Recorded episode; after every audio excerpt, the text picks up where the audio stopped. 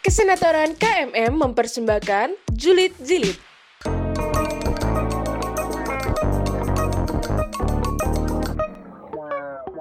Psst.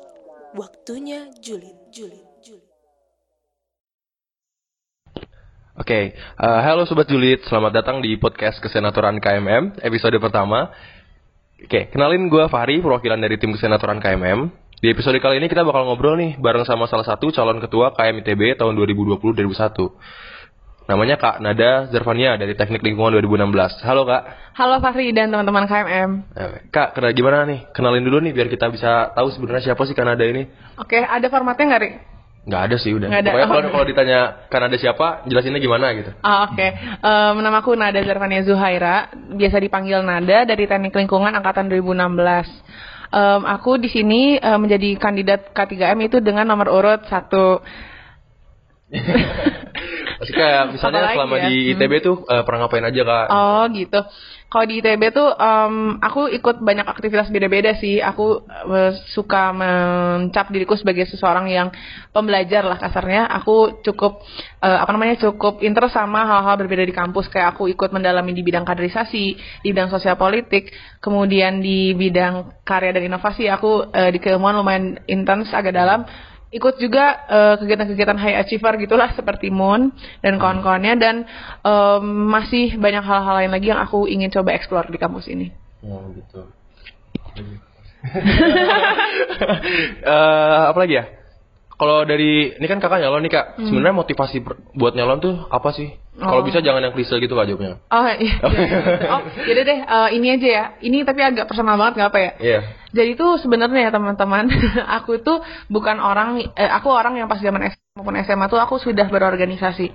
Jadi orang tuh banyak yang mengasumsikan kalau misalkan aku eh, di kuliah tuh pasti udah capek kayak gitu. Karena rata-rata orang yang aktif di kuliah tuh orang yang eh, entah mereka baru mau nyoba kayak balas dendam gitu, gitu nggak Iya. pernah aktif akhirnya nyoba lagi, atau emang orang yang em, ada concern sama satu hal tertentu gitu. Aku berorganisasi tuh udah kayak rutinitas aku lihatnya lama-lama gitu kan. Nah cuman pas zaman SMP dan SMA tuh aku jadi kayak begini juga jadi kandidat juga untuk Hmm. ketua di organisasiku tapi selalu nemu masalah aja jadi nggak pernah bisa berhasil nyampe ke atas Hmm. dan itu karena satu hal lah pokoknya yang bikin aku trauma cukup trauma gitu dibilangnya aku tuh Hmm. punya em, suatu api yang mampu membakar Iya. semangat orang-orang tapi juga kadang tuh nyulut juga gitu Oh. kasarnya jadi ntar sakit hati orang gitu. karena terlalu berapi-api kayak gitu Kebakarnya kegedean gitu. Ke- ya? ah, kebakarannya ngebakarnya kegedean.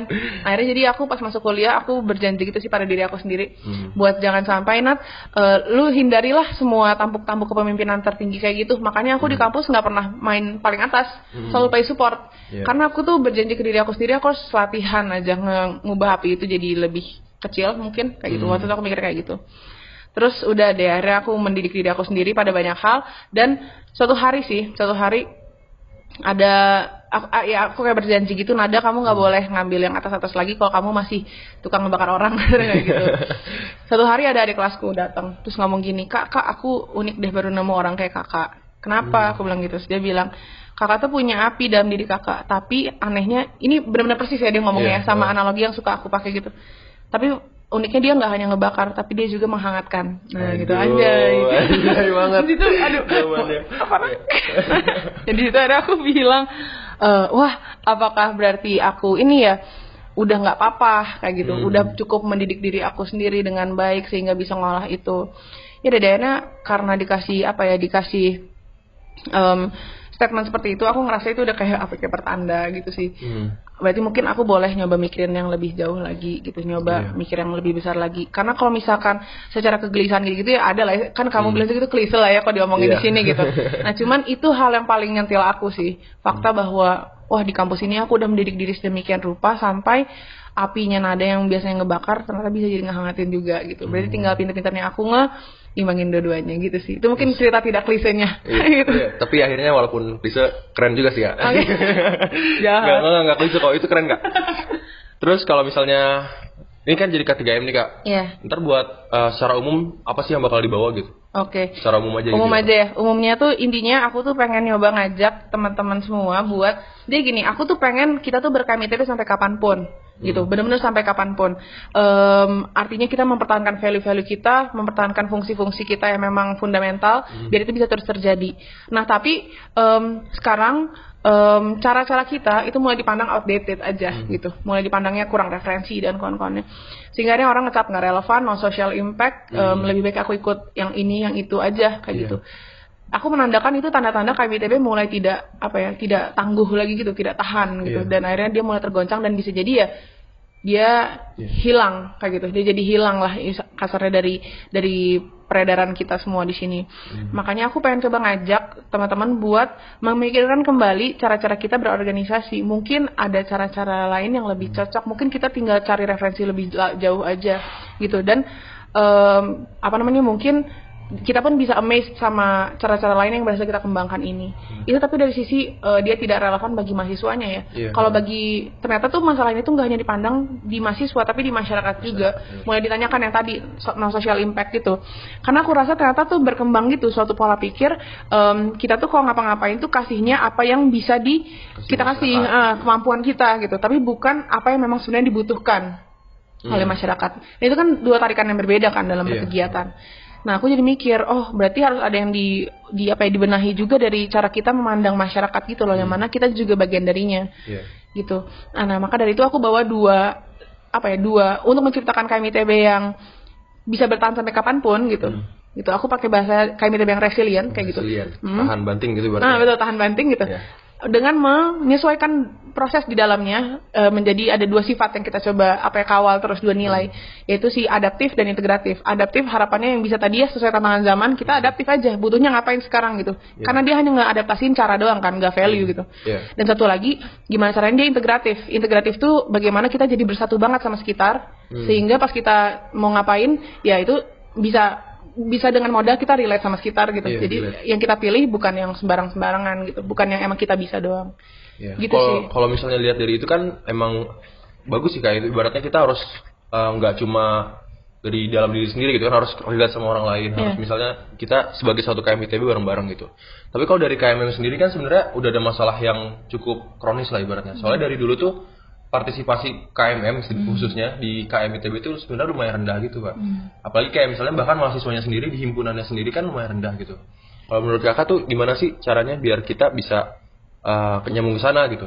Kan ada juga beberapa yang bilang kalau misalnya ngapain sih ke sana gitu kan? Padahal ada tempat yang lain. Nah, misalnya impact apa yang bisa diberikan yang berbeda dengan tempat yang lain dari KMITB sendiri gitu? Oh iya. Nah sebenarnya tuh em, kalau aku sendiri ya merasa itu tuh juga apa ya? Itu tuh juga permasalahan. Ketika aku ngomongin resilient gitu, itu bukan hanya masyarakatnya yang resilient, tapi juga si KMITB maupun lembaga-lembaga di dalamnya gitu. Berarti ketika KMM menjadi suatu apa ya? Misalkan karena masalah partisipasi gitu, dia mulai ditinggalkan sama teman-teman sama orang-orangnya, itu berarti KMIT eh, salah KMM itu telah terjebak pada cara-cara yang terlalu disakralkan sama KMM mungkin gitu. Opsi-opsi kegiatan itu nggak luas gitu. Nggak coba ngebaca apa yang orang-orang tuh lagi senang kayak gitu. Maksudnya pada dasarnya tuh organisasi kita tuh nawarinnya hanya bisa nawarin tiga hal Ri, menurut aku. Iya. Entah pemenuhan kebutuhan dasar, wadah perkembangan diri, sama satu lagi em, wadah buat ngasih social impact terdekat kayak gitu. Emang yang ditawarin tuh hanya bisa itu tiga hal Iya, itu. iya. Tapi masalahnya adalah karena cara-cara kita dalam mencoba menawarkan itu tuh gitu-gitu aja, Hmm. gitu. Nggak ningkatin standar. Maksudnya sekarang tuh kita bisa nge apa ini sebut merek aja. Kita punya perbandingan student katalis gitu, Mm-mm. atau kemudian ex future leader YLI. Iya, kan yang mereka, leader, iya. mm, yang mereka student ex CEO gitu. Yang mereka tawarin kan juga sama, hanya si perkembangan diri itu kan. Iya, heeh. Tapi mereka kualitasnya udah udah beda. Iya, orang Nah. prefer ke sana deh. Hmm, nah maka, maka, maka dari itu sebenarnya em, bukan berarti orang tuh pengennya beda dari sama-sama aja sebenarnya mereka pengen dikembangin dirinya gitu. Iya. Tapi cara-cara kita tuh outdated, terus kurang dinaikin gitu levelnya. Sekarang kita lagi bertanding sama siapa gitu. Trennya lagi apa ya kita harus adaptif makanya gitu. Gitu sih. Aku rasa tuh orang tuh sebenarnya mau maunya tuh sama-sama aja gitu, dari dulu. Hanya karena cara-caranya terbatas, Hmm. referensinya kurang, ditinggalin dari tempat ini gitu. Itu kan eh, adaptif kan udah dalam artian berarti kita harus menyesuaikan dengan lingkungan gitu ya. Mm. Sebenarnya itu kan yang yang dibingungin itu gimana cara pengaplikasiannya sih kak? Hmm. Iya kan ya? Kayak misalnya ya kita tahu kita harus menyesuaikan, tapi sebenarnya cara yang uh, visible yang buat dilakuin itu gimana? Gitu. Oke. Dibandingkan dengan apa yang udah ada mungkin dari kabinet sekarang gitu. Hmm. Nah ya memang kalau ini tuh nggak ada nggak ada apa yang nggak ada framework pastinya gitu sih. Ri. Cuman memang eh, aku lihatnya hanya perlu mencoba membudayakan nilai-nilai baru gitu. Berarti misalkan kayak nilai-nilai reflektif kayak gitu. Kemudian berarti kan mikirin lagi tujuannya tercapai atau enggak atau nilai-nilai seperti kreatif dan inovatif gitu.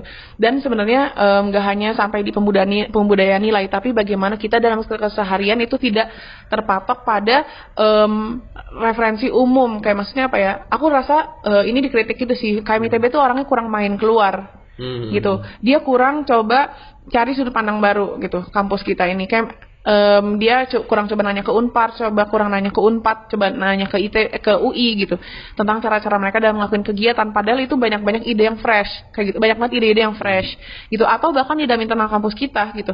Kita kurang ngobrol gitu. Kayak misalkan nih kayak apa ya aku sendiri pun sangat amazed dengan KMM gitu. Dan segala cara-caranya terutama kesenatorannya ya iyo.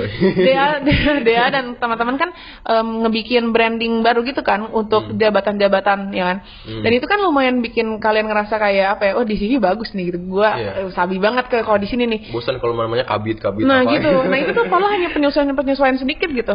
Nah Iya. kalau aja kita di sini ngobrol gitu, coba nyari tahu, ya itulah tadi nggak nggak terbatas bentuk-bentuk yang biasa itu gitu. Dengan sekalian ngobrol dikit aja gitu, itu dapat gitu menurut aku. Jadi masuk ke aku rangkum ya maaf ya kepanjangan. Satu, pembudayaan nilai-nilai yang eh, menunjang ke arah sana seperti eh, kreatif, inovatif, evaluatif gitu. Eh salah reflektif kayak Iya, gitu. heeh. Dan satu lagi eh, apa namanya membiasakan terjadinya cross apa ya cross sudut pandang gitu. Pertemuan langsung Mm-mm. gitu kan ya? Pertemuan cross-cross yang eh, tidak tidak konvensional kayak gitu. Itu semuanya udah ada di prokernya gitu, udah siap gitu ya kak? Em, itu ma- masih digodok. ya cuman ntar akan di apa disampaikan Mas Iring. Iya. Oke, intinya Apa ini Kak? kalau misalnya uh, adaptif dan integratifnya itu pengintegrasiannya gimana sih? Oh, iya. Ya kan uh, dari kabinet kan biasanya uh, ada struktur kabinetnya berubah gitu per tahunnya atau mungkin Hmm. dalam program-program kerjanya tuh gimana caranya? Yang tadi itu apa ada contohnya nggak kak? Kayak Oke. misalnya kayak tadi kan kakak Nada ngasih contoh kalau dari KMM gini-gini ini. Hmm. Dari kakak kira-kira ada satu atau dua contoh gitu yang bakal Ya, mungkin dari denger ini aja udah wah menarik banget tuh gitu. Hmm, prosesnya ya, eh, proses integrasinya. Kalau menurut aku memang pertama tuh eh, aku bakal bikin semacam si bakal bikin kayak si KRD dulu gitu. Dia kan punya NDP ya. Terus NDP itu ada strategi implementasi kan. NDP itu apa tuh kak? Oh nilai dasar pergerakan misal gini ya kayak aku jelasin maaf maaf. Jadi em, dia tuh eh, merasa untuk bisa bikin satu KMITB jadi punya suara pergerakan, eh j- menjadi suara pergerakan sebagaimana benar adanya, eh sebagaimana seharusnya Idealnya ya kan? idealnya ha, gitu dia bikin nilai dasar pergerakan yang em, ngebuat jadi ada beberapa nilai-nilai yang harus dibudayakan terus dia kasih contoh-contoh pembudayaannya di kampus. Kayak contohnya waktu itu ada nilai nasionalisme gitu. Hmm. nasionalisme habis itu kemudian pembudayaannya yang dia bilang tuh yang praktisnya adalah rabudaya gitu. Itu kan gampang Iya. banget semua orang bisa kan. Nah aku bakal bikin kayak gitu-gitunya juga sih. Jadi kayak kalau bahasa apa ya bahasa em, bahasa kerennya tuh culture transformation gitu. Jadi aku bakal bikin em, kit-kit yang benar-benar yang Iya. konkretnya gitu lah kasarnya gitu buat Step nerapin itu step by rapinya step gitu. uh-uh. secara culture eh itu satu. Bisa kemudian bakal ini sih bakal di proses-proses bakal merubah beberapa proses yang eh aku coba oh salah tonton dikat ya Iya. yang satu dua tuh bakal merubah em, pendekatan eh enggak deh itu nomor satu tadi yang kayak gitu. Ntar ini Tommy Iya, sambung sambungin ya.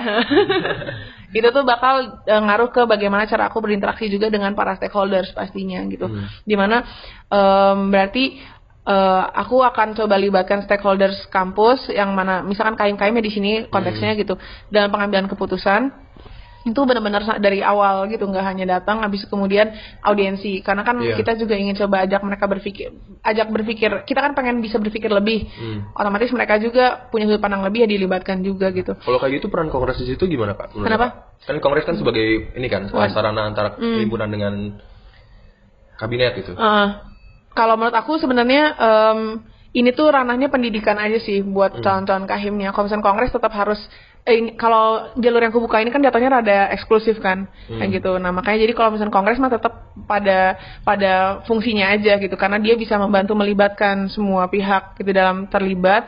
Nah sedangkan kalau ini tuh hanya biar pembudayaan biar nggak hanya kabinet doang tapi juga setidaknya beberapa stakeholder di kampus juga bisa jadi seperti itu. Terus itu selanjutnya tuh em, aku menargetkan tuh di sekolah-sekolah sih ntar di sekolah-sekolah kayak DAT, DDAT itu nilai-nilai seperti itu di di, tan- di apa di eh, di pakemin juga gitu biar bisa seperti itu sama di tar aku lupa. Oh iya. Akan ada coba pembudayaan eh salah pembudayaan akan ada coba bentuk eh salah salah ngomong apa sih? Aku lupa. Ntar. Oh akan ada. Coba di organogramnya dirubah. Ada Iya. ada ada nambah fungsi tertentu. Gitu. Jadi ada aku merencanakan namanya tuh staf khusus presiden nah si staf khusus presiden ini tuh fungsinya sebagai kayak lembaga R&D yang fungsinya tuh terus membaca zaman kayak gitu. Oh, market research lah, Oh, market research ah, terus menerus terus menerus. Dan harapannya ntar dia bisa selalu jadi penggenerate fresh ideas ke kabinetnya kayak gitu. Ya harapannya em, selalu ada orang yang lebih kreatif dan lebih tahu banyak hal gitu di di badannya. Jadi biar orang nggak terpatok sama hal yang monoton. Ini ntar nyambung ke ini sih em, kadang tuh menurut aku ide-ide terbatas itu juga gara-gara em, sistem muker kita kayaknya. Yo iyo sistem muker kita yang planning di awal ri. Dalam waktu Iya. yang pendek. Hmm. dan em, apa ya ya udah sampai situ aja chaos juga gitu kan. Hmm. habis itu udah itu di eh, di di ketok palu sampai akhir gitu. Nah padahal em, bisa orang tuh gara-gara merasa planning tuh di awal aja selanjutnya itu planning untuk teknis gitu ide-idenya tuh nggak berkembang gitu di Hmm. Iya, tengah nggak ada improvisasi di, di tengah Nah jalan itu, juga gitu. padahal tuh harusnya yang kayak gitu-gitu gitu yang dibudayakan. Makanya jadi aku nggak tahu sih ini lagi mikirin juga. Aku nggak mau nggak tahu sih bisa merubah sistem muka atau enggak. Cuman mungkin memang em, perlu dibikin biar kita tuh tidak terpaksa. Eh kita ngide tuh nggak hanya di awal, tapi dipaksakan untuk terus menerus bisa mengide lagi gitu, berpikir ulang berpikir ulang kayak sistem kerjanya startup gitu sih. Iya, iya. Kelihatnya nah kayak gitu. Itu sih biar bisa banyak idenya. Aku juga udah nerapin ini di HMTL sih kemarin tuh HMTL tuh ada climate ikut climate strike kita. Hmm. Itu nggak proker non muker. Cuman karena orang-orangnya digerakin lagi ke Iya. value-nya gitu. Harus banget ada gitu. Saat value-nya juga, begitu. gitu. Mm, gitu. Kita oke balik lagi ke value ya dan balik lagi ke tujuan kita. Kalau kayak gitu berarti kita nambah improvisasi climate strike di tengah nggak masalah dong. Ya udah nggak masalah bikin aja gitu akhirnya Dan akhirnya jalan juga kan. dan jalan-jalan juga. juga kayak gitu sih cuman paling memang ini sih aku tahu betul yang eh, i- apa namanya aku memang belum secara holistik juga merencanakan implementasinya seperti apa gitu dan butuh bantuan. Cuman aku rasa em, tantangan banget karena yang aku coba bawa ini tuh dia tidak hanya bisa digemborkan em, terbatas pada infrastruktur gitu. Hmm. Gitu dia tuh butuh pembudayaan dia tuh butuh apa ya akunya emang udah role model banget belum ke sana gitu. Iya. hmm, butuh Butuh partisipasi langsung juga. iya gitu dan butuh kemauan orang-orangnya. Kayak gitu sih makanya memang kuncinya tuh di komunikasi sih kepada orang-orang lain. Dan makanya aku pengen jadi ajang hiring ini maaf ya kebanyakan ya aku ngomong ya. Ajang hiring ini tuh aku pengennya sekalian man- manasin gitu mantik gitu. Hmm. gitu jadi biar orang tuh jadi kepikiran gitu Iya. bukan hanya ini masalah aku jualan ideku aja tapi ini masalah aku juga pengen ningkatin awareness gitu Hmm. Makanya hearingnya ada banyak banget ya. Bahkan Iya, di panitia Mak, betul. kan ada berapa? Lebih dari 10 kan? Iya, lebih dari 10. Ya, Em, capek banget. awalnya tuh tapi nggak jadi deh, ntar jadi ngomong rahasia rahasia dapur anjir. Kan disebarin aja kak. Eh, kalau untuk sebenarnya tadi yang menarik juga kan pembudayaan nilai itu kan dari Kardi udah ada kayak eh, rabudaya segala macam. Hmm. Tapi entah kenapa kayak misalnya itu cuma jadi hal-hal yang eh, nggak fundamental gitu. Nggak kan. fundamental. Kayak akhirnya cuma ya udah lu pakai batik dan kebudayaannya nggak nggak terpreserve sebagaimana mestinya. Hmm. Menurut kakak eh, kayak hal yang kecil-kecil gitu tuh emang bakal memiliki hasil yang besar juga pada akhirnya gitu. Atau setidaknya dalam jangka waktu kepengurusan kakak misalnya kepilih gitu. Hmm. Menurut kakak emang itu targetnya itu eh, merintis jalan menuju ke sustainability, ke res- resiliennya itu atau emang pada akhirnya langsung udah resilient gitu beratnya. Hmm. Merintis jalan sih. Cuman kalau aku tuh pribadi em, apa ya? Ini merintis jalan, tapi aku pengen kasih quick win gitu. Jadi pengen em, namanya juga generasi Z itu generasi yang eh, ins- butuh instant gratification ya, butuh Iya. cepat ngerasa berhasil gitu kan. Nah aku nggak nggak nggak prefer juga kalau misalnya kita merintis aja gitu. Makanya jadi aku pengennya em, semua orang tuh bisa menargetkan pe- keberhasilan-keberhasilan mereka gitu, gitu sehingga ntar nanti keberhasilannya diekspos, terus langsung kan dapat sense bahwa eh bisa juga deh ternyata seperti itu ber- berhasilnya. Nah makanya jadi ntar em, harapannya memotivasi yang lain. Makanya aku pengen gitu sih bikin nggak hanya intip kabinet Hmm. gitu kan ada kan em, sekarang Instagram namanya intip kabinet ngasih tahu dinamika berkabinet. Iya. Aku pengennya juga di intip KMITB gitu. Dan dan nanti best practice best practice ini tuh di em, di, di ini kan apa di em, sebarkan ke santero kampus. Dan itu tuh aku rasa ya harus orang yang punya sense kasarnya kayak aku juga gitu. Maksudnya gini kayak KMM nih kesenatorannya dengan merubah nama-nama apa jabatannya ya itu kan menarik ya. Iya. nah itu tuh harus diekspos gitu menurut aku gitu. Diekspos aja simply diekspos aja gitu. Terus habis itu ntar dikasih tahu sekarang nama jabatan pun bisa gini ini ini ini gitu. Itu adalah satu bentuk adaptasi dalam organisasi gitu Iya. loh. Nah kamu juga bisa di, eh, yang gitu-gitu. Nah yang gitu-gitu loh itu aku rasanya em eh, tadi sih tentang pembudayaan tuh menurut aku em, bisa asal ada quick win-nya. Masalahnya kan sekarang kita rabudaya udah aja gitu kan. Iya. Nggak kerasa emang kita sudah berubah jadi nasionalis belum sedikit-sedikit kayak gitu. Kayak gitu sih. Jadi ibaratnya bikin yang di instant gratification tadi itu. Iya, aku rasa harus ada kayak gituan sih di kampus sekarang. Next question. Ini udah berapa menit? 20 menit. Iya. Mau lanjut pertanyaan yang kayak gini-gini atau Atau yang lucu-lucu. eh. yang bercanda apa pertanyaannya kak? Kalau dari kakak. Kenapa? Kalau dari kakak menurut kakak pertanyaan yang bercanda itu yang gimana? Eh, yang keluar dari konten. Ya, mak- ya maksudnya kasih contohnya gitu biar langsung ditanyain ntar dimasukin. Eh, terserah. Nanya personal juga nggak apa-apa. Oh personal nggak apa-apa. Atau kayak kalian kan mungkin tahu kira-kira masa tuh biasanya kepoin tentang apa yang non konten. Hmm. boleh tanyain aja, nggak masalah. Duh. Kalau nggak aku nanya ke Fahri nih. Oh, Jangan dong. Eh ya buat seorang buat jadi seorang K3M itu kan sebenarnya berat ya kak tugasnya kak. Ada ngurusin ini segala macam lah. Bahkan mungkin nggak tidur gitu kali ya. Hmm, biasanya kalau dari sekarang itu pembiasaannya tidur jam berapa sih kak? Sampai jam berapa gitu? Jadi ada dua versi gitu sih. Kalau misalnya normalnya aku tidur jam berapa jam berapa, aku bangunnya siang banget sebenarnya. Gitu, tapi nggak subuh tetap guys. Subuh tetap waktu tepat tetap tepat waktu. Nah, em, tapi kalau aku tuh biasanya tidur tuh em, jam 2-an biasanya. Ngurusin dua. Itu Gitu. ngurusin ngurusin kabinet. negara oh enggak enggak enggak aku tuh gini jadi aku kelas nah habis kelas tuh aku ngantuk jadi aku biasanya tidur misalkan kelas beres jam 5 terus baru nyampe rumah misal jam 7 itu kalau nggak ada kegiatan ya terus ntar jam 7 sampai jam 10 atau jam 11 gitu lah aku tidur nah baru itu aku bangun baru aku berkegiatan gitu deh Oh, kegiatannya kegiatan pagi-pagi. habis itu misalkan sampai jam 2 sampai jam 3 kayak gitu. Habis itu aku tidur lagi terus bangun lagi mungkin eh, jam berapa kalau lagi kelas jam 8 gitu atau jam 7. Baru Hmm. aku berkegiatan lagi gitu sih. Itu kalau siklus normal aku. Kalau siklus aku pada hari-hari Hmm. yang biasa aku tidurnya eh, jam 12 bangunnya jam 12 juga gitu. Tapi kalau misalkan lagi ada kerjaan, aku bisa sih sampai nggak tidur gitu bisa, Hmm. bisa bisa aja. Tergantung aku lagi ngerasa urgensinya gimana gitu sih. Kalau Kanada ibaratnya menganggap dirinya tuh orangnya profes, eh, perfeksionis atau enggak tuh? Oh iya aku perfeksionis dan itu yang bikin aku nih ya, nih Dea mau komentar nih Dea.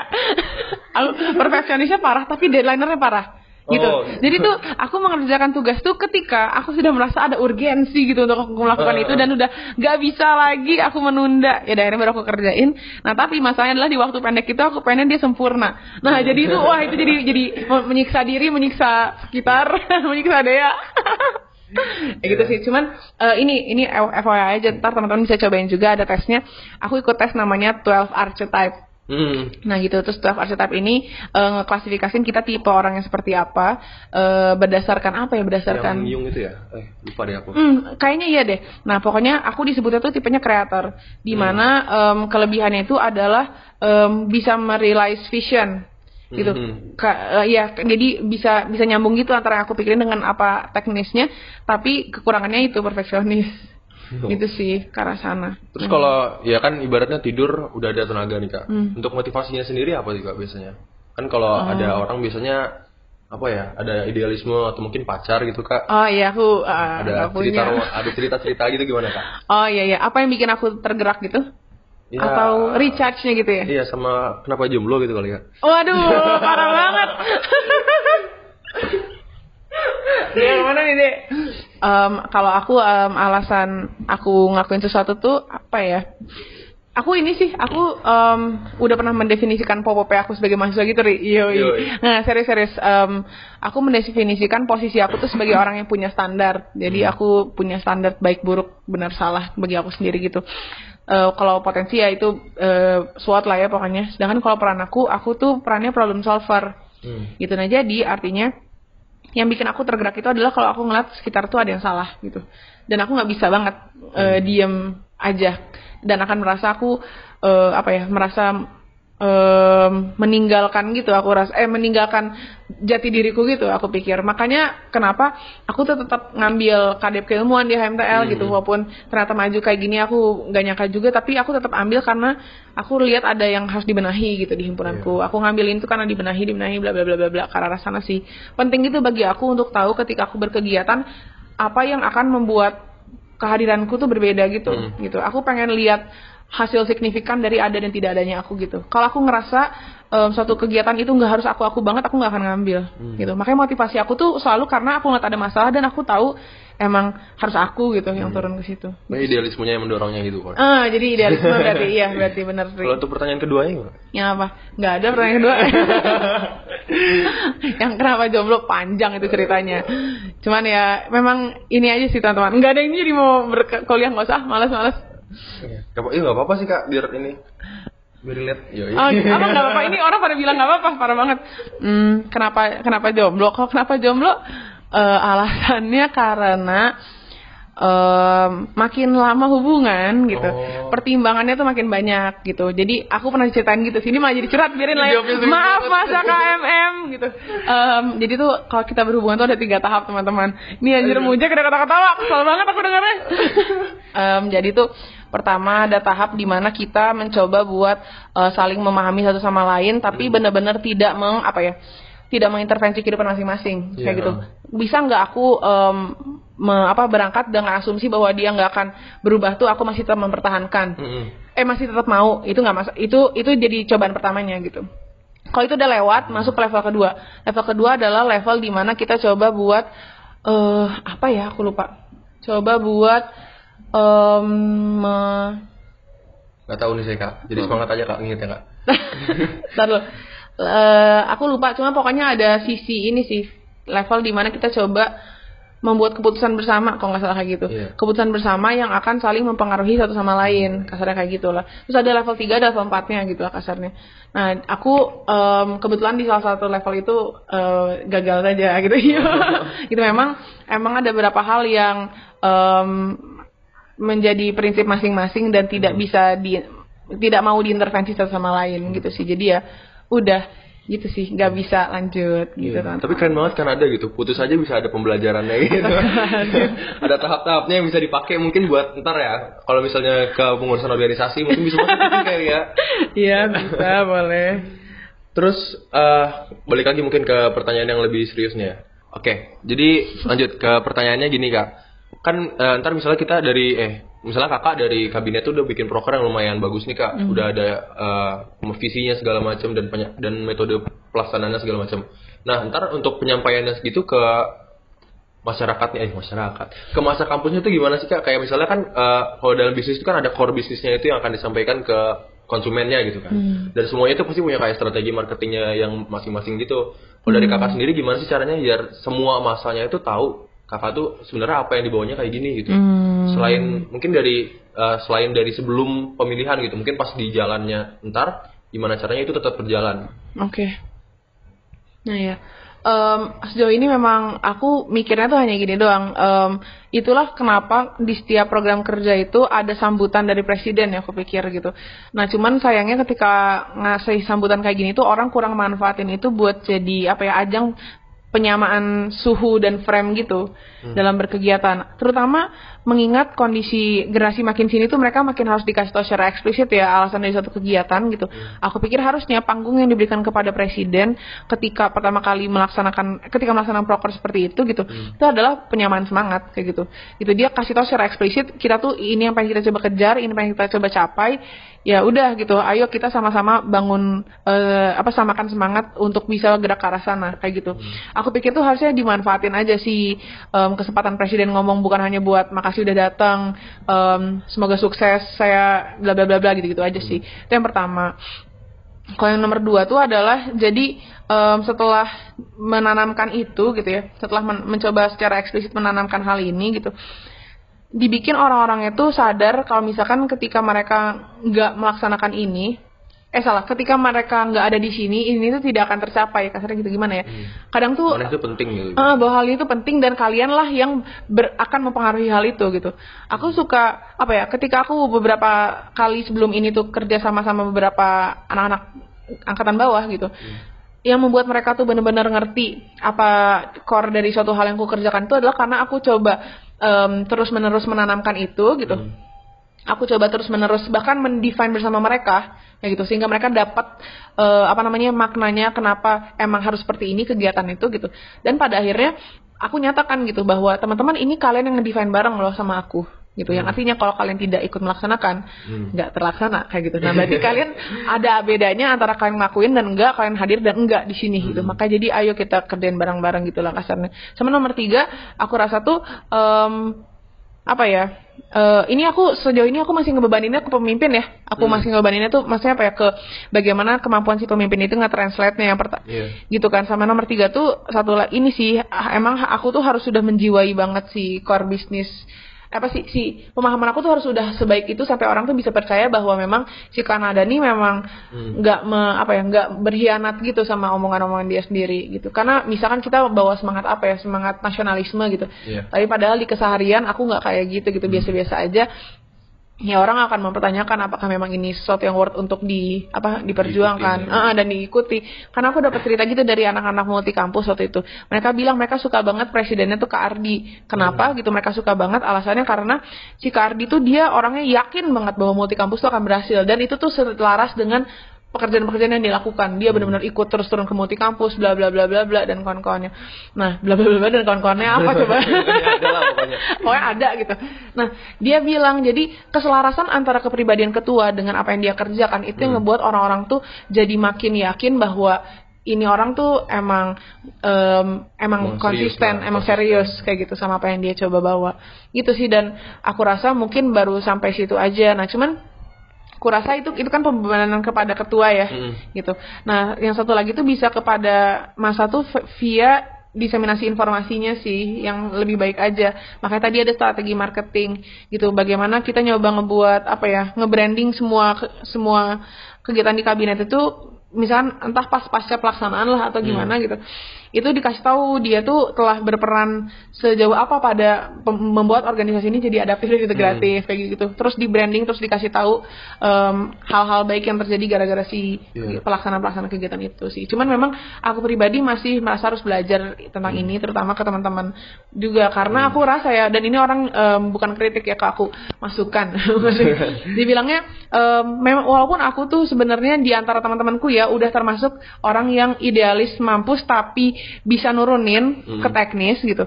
Tetap aku dibandingkan teman-teman eh, SBM tuh masih kurang taktis gitu. Tetap aja gitu. Karena teman-teman tuh bisa menemukan cara-cara yang lebih pas lebih apa lebih langsung tek tek tek, tek Hmm. gitu. Nah, itu mah aku masih harus belajar sih tentang hal itu karena sejauh ini masih jatuhnya abstrak kan, masih di tataran eh, ide gitu Iya, dan konsep kayak gitu. Berarti kalau untuk yang partisipasinya balik lagi ke tadi ya instant gra- apa? Eh, bukan instant gratification sih, tapi gratifikasinya gitu. Jadi Hmm. ibaratnya kita merasa bahwa kita bagian dari proker ini, kita bagian dari KMITB gitu ya. kan? Hmm, kayak gitu.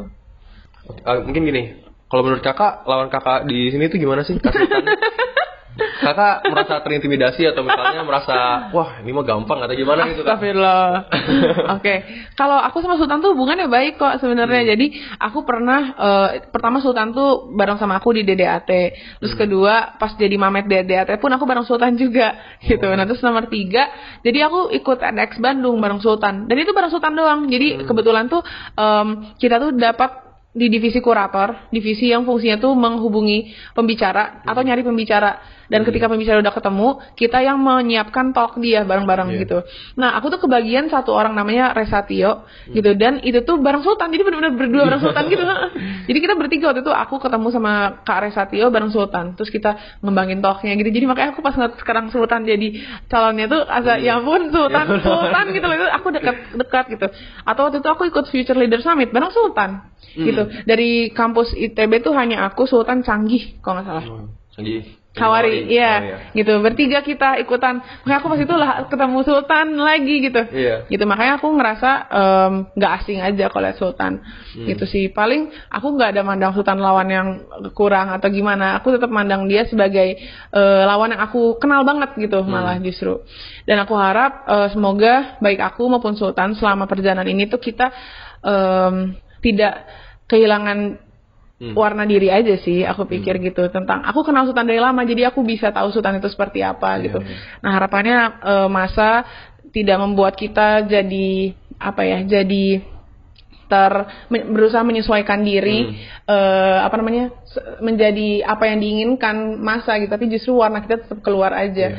kayak gitu karena ke- bahkan ketika aku ngomongin eh, adaptif pun bukan mengadaptasi core value kita menjadi berubah gitu kan tapi bagaimana membuat core value kita tuh tetap tahan dikeluarkan di situasi apa pun kayak gitu sih Aku hanya berharap itu doang sih paling sebagai orang yang kenal Sultan semoga warna Sultan tetap keluar sebagaimana seharusnya kayak gitu. Siap. Itu pesan ntar mungkin ke Sultannya bisa. Oke Tania langsung dengerin gitu ya Tani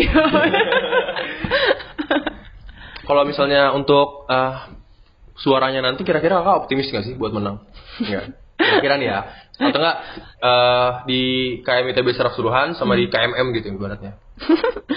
nggak tahu cuman aku nggak bisa jawab itu sih Ri takutnya karma gitu kan. Cuman aku hanya ingin berterima kasih aja ke teman-teman manajemen karena aku menerima lembar dukungan dari manajemen banyak banget yang isinya. Benar-benar ada em, berapa tuh? Kalau nggak salah 36 36 orang ngisi dari manajemen eh, dan bahkan promotorku ada satu dari KMM juga Hmm. gitu namanya nggak ada deh rahasia nggak ada namanya Faza angkatan 18 Oh.